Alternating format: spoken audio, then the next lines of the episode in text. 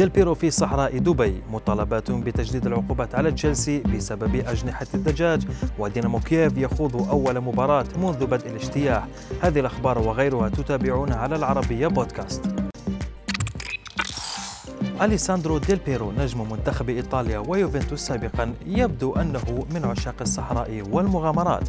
بعد نشره صورا عبر حسابه على إنستغرام وهو في صحراء دبي ليس لوحده بل مع أطفاله وزوجته التي بدورها نشرت عبر حسابها مقاطع فيديو وصور لليوم الطويل الذي قضته العائلة في الصحراء حتى وقت متأخر من الليل. وبعد توقيعه لعقد رعاية ضخم لم يدخر جاك جريليتش نجم مانشستر سيتي أي وقت للخروج بملابس من تصميم ماركة غوتشي. والتقطت الكاميرات جريليتش وهو يرتدي ملابسا تعود لدار الأزياء الإيطالية لدى وصوله إلى مقر النادي.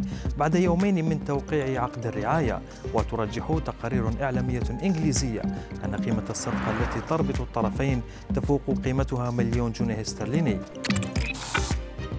تحول نادي تشيلسي الإنجليزي إلى مادة للسخرية على مواقع التواصل ليس بسبب خسارته أمام ريال مدريد ولكن بسبب وجبة قدمت للجماهير بسعر عال الوجبة التي اجتاحت صورتها ال social media مكونة من أجنحة دجاج صغيرة الحجم وقطع من القرنبيط بسعر 13 دولار. بالتأكيد هذا الأمر أغضب الجماهير التي دعت ساخرة إلى تسليط المزيد من العقوبات على نادي تشيلسي.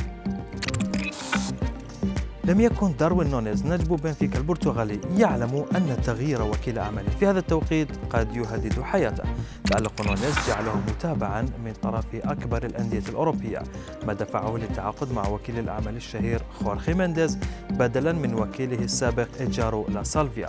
هذا القرار بالتأكيد سيكلف لا سالفيا خسارة عمولة الانتقال المحتمل للاعب إلى أحد الأندية الأوروبية الكبرى. ومباشرة بعد هذا التغيير بدأت رسائل تحمل التهديدات بالقتل تصل إلى داروين وعائلته. من أطراف مجهولة يعتقد أن لا سالفيا يقف خلفها. وفي خبرنا الأخير فريق دينامو كييف للشباب أصبح أول ناد من أوكرانيا يخوض مباراة كرة قدم منذ بدء الاجتياح الروسي للبلاد. وشارك الفريق الأوكراني ضد نادي سبورتينغ لشبونة في دوري أبطال أوروبا للشباب. المباراة أقيمت في العاصمة الرومانية بوخارست وشهدت دخول اللاعبين بعلم أوكرانيا على أكتافهم وبالطبع سبقت صفرة البداية دقيقة صمت على أرواح ضحايا الغزو.